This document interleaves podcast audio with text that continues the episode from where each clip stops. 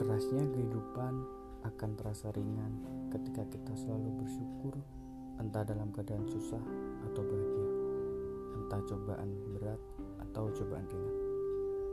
Semua itu hanya untuk melihat seberapa kamu kuat untuk menghadapi semua cobaan tersebut. Tuhan selalu mengajari umatnya untuk selalu bersyukur. Dengan bersyukur, semua akan terasa lebih baik.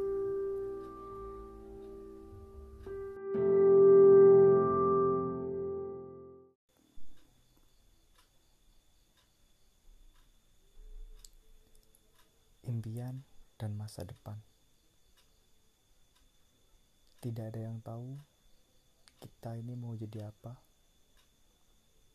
Entah kita mau sukses atau tidak.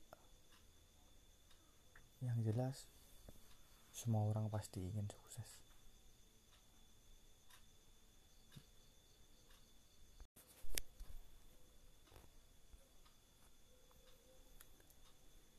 Impian sewaktu kecil. Aku selalu bermimpi untuk menjadi hebat dengan usaha yang tidak ada.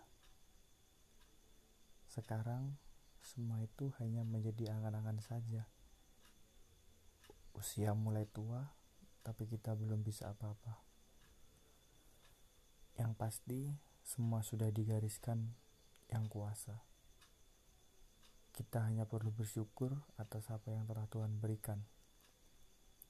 Mungkin jauh dari kenyataan, tapi kita harus menerima kenyataan.